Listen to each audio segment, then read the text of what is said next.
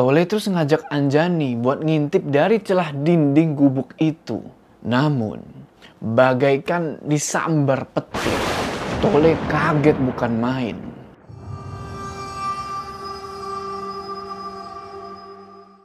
Assalamualaikum teman-teman, balik lagi sama gua Joe. Ya, gua tahu apa yang kalian lihat.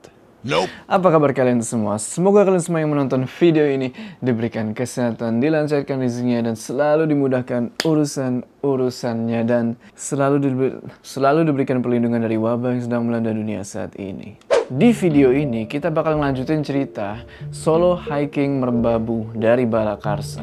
Di mana di part sebelumnya kita tahu kalau Tole ini sempat masuk ke sebuah desa yang cukup mengerikan karena para penduduk di desa itu gak ada mukanya. Dan juga dia bertemu dengan sosok wanita tua serta anak perempuan yang cukup cantik. Tapi sebenarnya siapa mereka ini? Ikutin cerita ini terus. Sebelum kita masuk ke cerita, jangan lupa kalian like video ini dan bagi yang belum subscribe, ayo subscribe sekarang ke channel ini supaya kalian gak ketinggalan part terakhir dari cerita ini. Bagi yang baru bergabung, gue saranin kalian tonton dulu part sebelumnya ya di sini.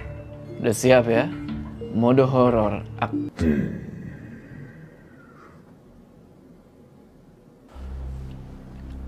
Apa kamu mau mandi dulu, Mas?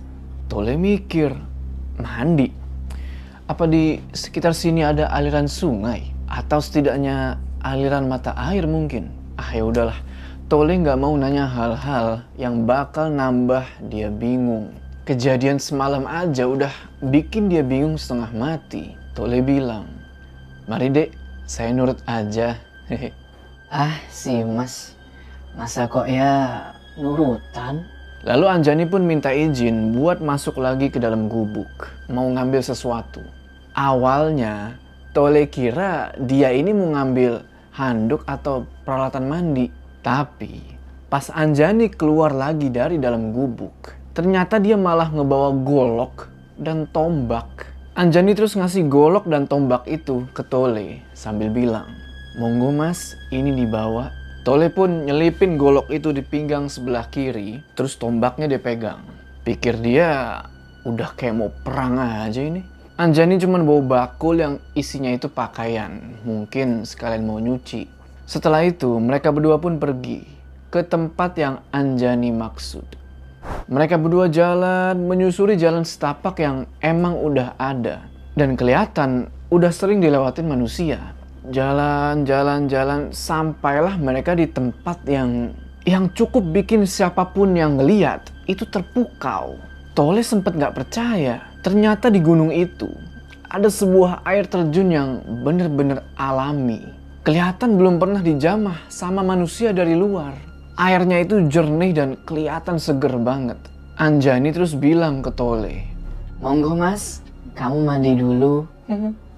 Ya dek, dan mandilah Tole. Dia nyebur tuh.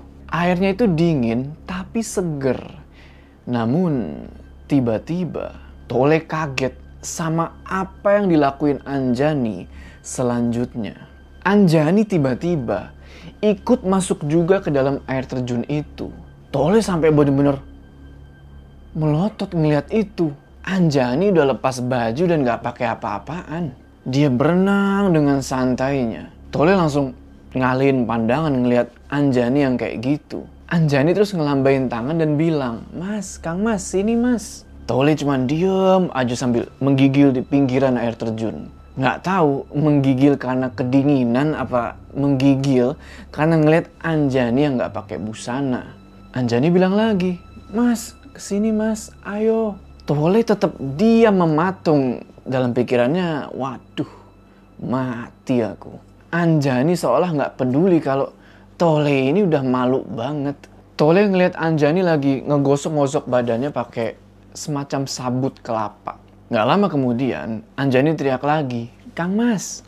Akhirnya, Tole pun ngebuka semua pakaiannya, kecuali pakaian dalam. Tapi, tiba-tiba, Anjani nggak pakai aba-aba. Langsung nyamperin Tole dan narik dia buat ngajak berenang bareng. Dan sekarang, badan Anjani yang tanpa busana itu bener-bener kelihatan jelas sama Tole. Sontak Tole langsung nutup mata terus pergi ngambil bajunya yang dia taruh di pinggiran air terjun. Lalu baju itu dipakaikanlah ke Anjani. Tole terus bilang, Dek, tidak sopan, tidak boleh seperti ini. Intinya maksud Tole adalah pria dan wanita nggak bener mandi berdua tanpa busana kayak gitu.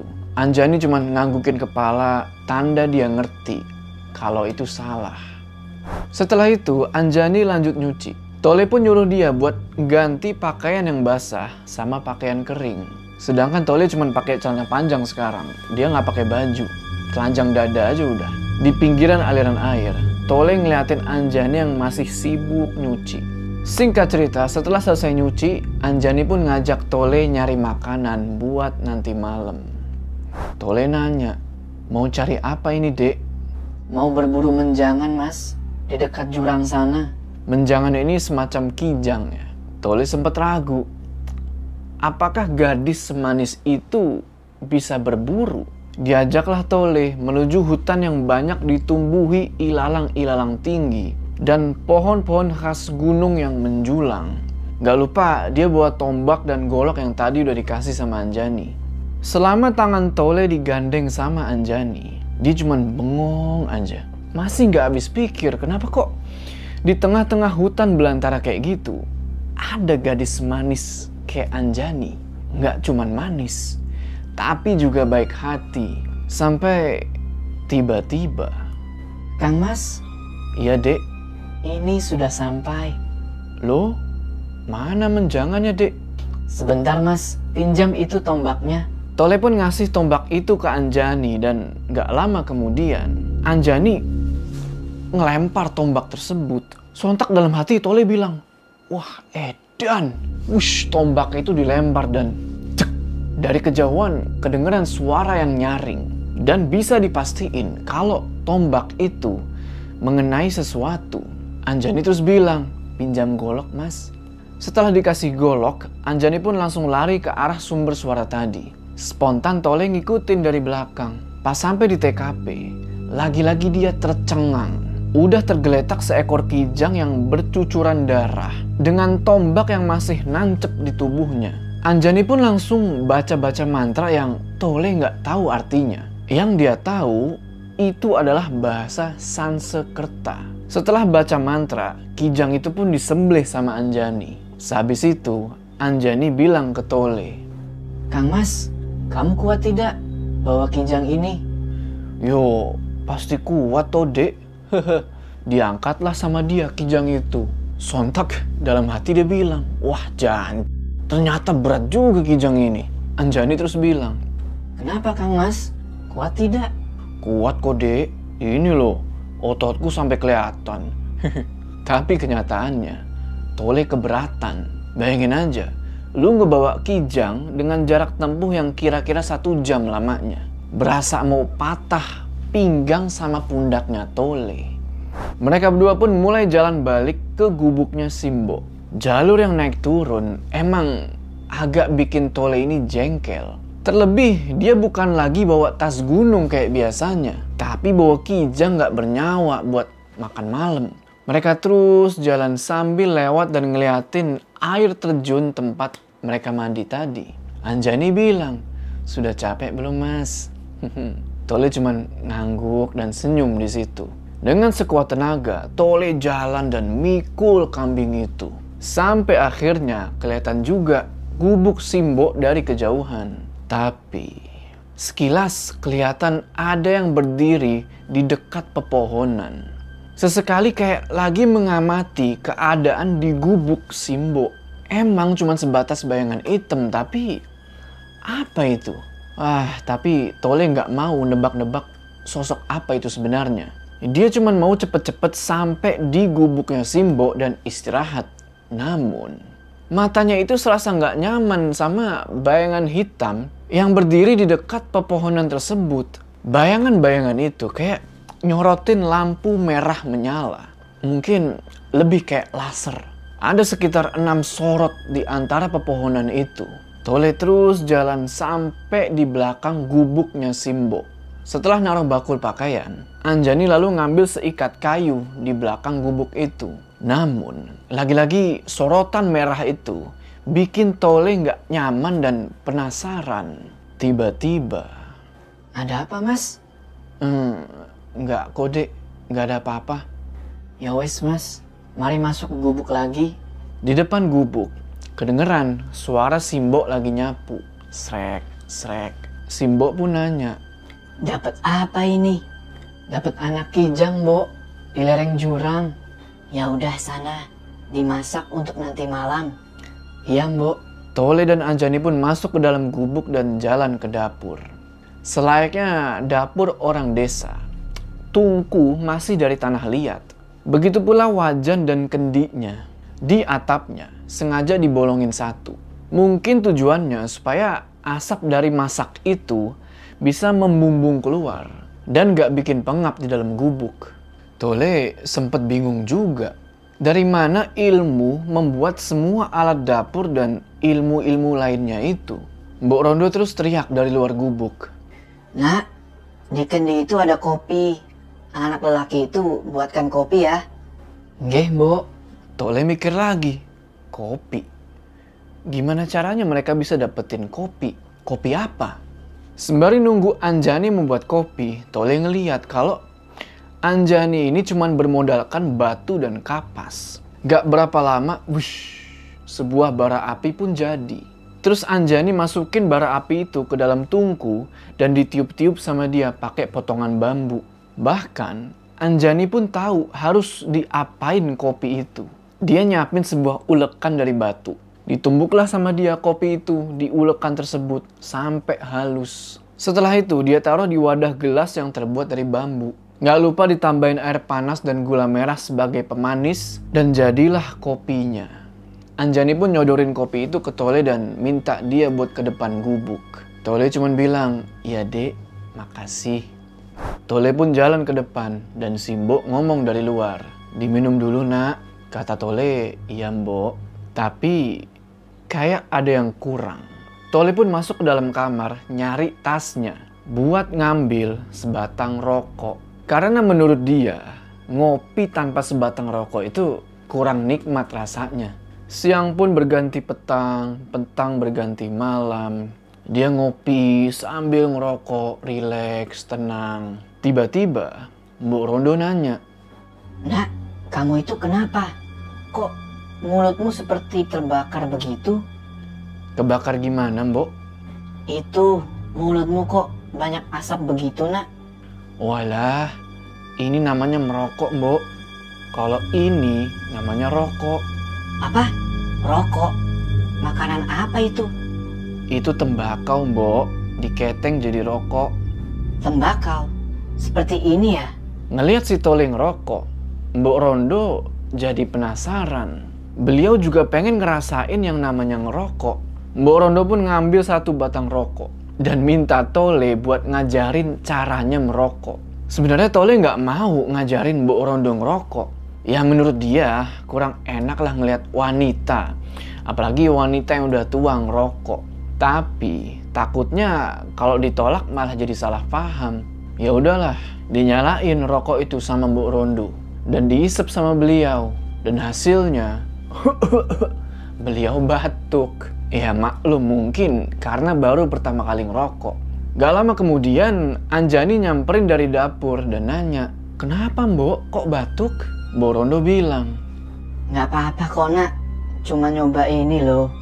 Apa aku buatkan wedang jeruk, Mbok? Halah, Nak. Batuk itu sebentar bisa sembuh. Kalau watak, ayo, kapan sembuhnya? Hehehe. pikir Tole, hmm, Simbo ini bisa ngelawak juga. Anjani pun selesai nyiapin semua hidangan di kursi bambu yang mungkin itu adalah ruang tamu. Ruang tamu yang cuma berisikan kursi bambu yang panjang, lampu templok yang remang-remang, serta lantai dari tanah merah. Mereka menyantap makanan itu lahap banget. Udah kayak serigala yang kelaparan. Sampai akhirnya satu bakul nasi, daging kompreng, sayur kol, pete, ludes udah. Tiba-tiba, eh, sontak Tole ketawa ngeliat Anjani yang sendawa. Namun, Anjani dan Mbok Rondo ngeliat aneh ke arah Tole seakan-akan nggak senang kalau dia itu ketawa. Anjani nanya, kenapa mas ketawa? Tole bilang, nggak kok dek. Nggak lama kemudian, kedengeran suara. Keluar anak manusia. Aku tahu kamu di dalam. Siapa itu? Berani mengganggu kawasanku. Nggak pakai basa-basi, Mbok Rondo ngambil sapu ijuknya dan pergi keluar gubuk. Sebelum keluar, beliau bilang, Kamu semua di dalam saja ya nak. Biar Simbo yang menemui siapa itu yang berani mengusik ketentraman di tempatku. Tole dan Anjani cuma diem dan ngangguk. Mereka cuma bisa pasrah. Bahkan coba ngelarang Simbo keluar pun, Tole nggak berani. Karena mata Mbok Rondo udah ngeri. Simbo pun keluar gubuk dan teriak. Siapa yang berani mengganggu kawasanku? Tole terus ngajak Anjani buat ngintip dari celah dinding gubuk itu. Namun, bagaikan disambar petir. Tole kaget bukan main. Kalian masih ingat kan sama tiga sosok buto mengerikan itu? Tole nggak habis pikir kenapa kok mereka bisa tahu Tole ada di situ. Simbo udah pasti bakal berhadapan dengan tiga sosok bengis yang kemarin membabi buta menghabisi keluarga tanpa rupa tersebut. Pertanyaannya, apakah Mbok Rondo akan dibunuh juga sama mereka? Tole nangis di situ. Sini, perlihatkan wujudmu. Dari kejauhan, ternyata bener. Tole ngelihat mereka. Mereka yang udah ngabisin keluarga tanpa rupa tersebut dengan keji. Namun,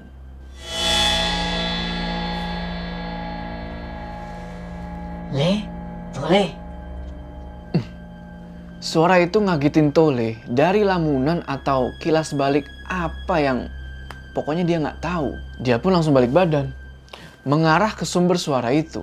Dan di situ dia ngeliat seorang wanita tua lagi menyocol-nyocol kinang di mulutnya. Wanita tua itu bersama Simbo, Anjani, nak, kok tahu namaku dan anak perempuanku? Eng- enggak, Mbok. Sampai sini, kalian mulai mikir kan? Aneh. Kenapa kok Tole bisa diperlihatkan hal tersebut? Dia mikir, apa ini yang dinamakan Sukmo Lelono? Di mana Sukma seolah berkelana diajak melihat kilas balik suatu kejadian dan seolah ada di dalamnya. Nggak tahulah. Simbo bilang lagi, mari mampir ke gubukku nak. Simbo ngajak ke gubuknya tanpa nanya Tole ini siapa. Seakan-akan udah tahu duluan. Dan anehnya lagi, Tole langsung ngeiyain ajakan Simbo tanpa nolak kayak waktu itu. Ingat kan? Tole pun ngikutin langkah Simbo dan Anjani. Dan kedengeran lagi, kayak waktu itu. Suara warga desa dan suara hajatan. Bener aja. Ada perkampungan persis sama yang waktu itu Tole lihat. Berjejer rumah gubuk dan berhiaskan lampu templok. Namun, ada yang beda sama warga-warga di situ. Warga-warga di situ punya wajah nggak muka rata kayak waktu itu. Cuman muka mereka ini pucet dan nggak merduliin Tole, Anjani sama Simbo lewat di jalan dusun itu. Singkat cerita, sampailah mereka di gubuk Simbo dengan bentuk yang sama persis seperti penglihatan sebelumnya. Sampai dialog-dialog yang terjadi di dalam gubuk itu sama persis nggak ada yang berbeda. Namun, ada satu kalimat yang berbeda. Nak, besok kamu boleh melanjutkan perjalananmu. Tapi, tunggu sampai matahari terbit ya. Nanti biar Anjani yang mengantarmu ya nak. Kalau kalian ingat, sebelumnya Mbok Rondo ini ngelarang Tole buat lanjut naik kan? Si Anjani manja kayak kemarin, mijitin dan segala macem sampai Tole ketiduran. Malam pun berlalu dan pagi pun tiba. Anjani nanya, sudah bangun mas? Sama, Kejadian selanjutnya juga sama. Anjani ngajak Tole mandi, berburu kijang. Cuman saat itu waktu berasa lama. Pas balik lagi ke gubuknya Mbok Rondo, beliau menceritakan sesuatu. Mbok Rondo bilang kalau nama beliau adalah Dewi dan beliau ini bukan dari golongan manusia. Beliau ini adalah seorang pertapa yang pernah bertapa di kawah Chandra di muka merbabu. Beliau juga bilang kalau anaknya yaitu Anjani sejatinya adalah manusia dan punya darah Mbok Rondo ini. Dengan kata lain bisa dibilang Anjani ini adalah setengah demit. Mbok Rondo bilang kalau Anjani emang suka sama Tole. Beliau bilang kalau Tole mau jadiin istri, ya udah jadiin tapi jangan dibuat sakit hati. Simbo cerita juga kalau dulunya dia adalah manusia setengah demit. Ibunya adalah Dewi juga di gunung itu. Dan bapaknya adalah seorang resi yang gak mau ngakuin Simbo. Julukan Mbok Rondo itu adalah karena dicampakkan seorang yang gak mau nerima kalau Simbo ini adalah manusia setengah demit. Yang bikin dia kaget adalah Anjani ini suka dan mau jadi istrinya Tole. Namun gak semudah itu. Seperti orang yang beruntung, tapi mustahil ngambil keberuntungan itu. Karena Simbo menuntut syarat yang gak masuk akal buat Tole. Akhirnya Tole terpaksa menolak secara halus dan bilang ke Mbok Rondo kalau dia cuma pengen ngelanjutin perjalanan sampai dia pulang nanti ke rumah. Simbo mengerti, cuman Anjani kelihatan patah hati. Syarat dari Simbo adalah Tole hanya diperkenankan mengajak Anjani turun dari gunung itu selama 40 hari. Setelah 40 hari itu, Tole harus mau tinggal di alas merbabu. Syarat yang berat. Tole ngelihat Anjani nangis karena penolakan itu. Tapi mau gimana lagi? Hari sekarang udah menjelang sore. Saatnya Tole ngelanjutin perjalanan. Dia pun pamit sama Simbo dan diantar sama Anjani sebagai tour guide-nya buat balik dulu ke tenda. Sesampainya di tenda, Anjani langsung matiin bekas bara perapian yang ternyata masih nyala. Yang tadi ditinggal karena diajak ke gubuk Simbo. Sedangkan Tole sibuk beres-beres tenda dan barang-barangnya. Setelah selesai, mereka pun ngelanjutin perjalanan. Perlahan, mereka menyusuli jalan dengan turunan yang sangat amat curam. Mereka berdua juga sambil ngayunin golok mereka masing-masing buat nebas ilalang dan belukar. Jalan terus mereka sampai mereka ketemu dengan sebuah air terjun kecil. Di mana di balik air terjun itu ada tanjakan. Tole bilang itu tanjakan super as. Kenapa begitu? Karena saking curamnya tanjakan itu. Kalau kebanyakan tanjakan curam kan pendaki bilangnya lutut ketemu dagu. Nah kalau tanjakan itu bisa ngebuat lutut ketemu jidat. Setelah susah payah, akhirnya mereka berdua bisa ngelewatin tanjakan itu. Namun, tiba-tiba ada suara. Mas, Sontak Tole ngeliat ke arah sumber suara itu. Dan di situ udah berjejer banyak pendaki. Tapi muka mereka semua itu pucat. Namun, ada satu pendaki yang Tole kenal. Dalam hati Tole nanya, apa benar ini dia? Lalu, siapa para pendaki ini?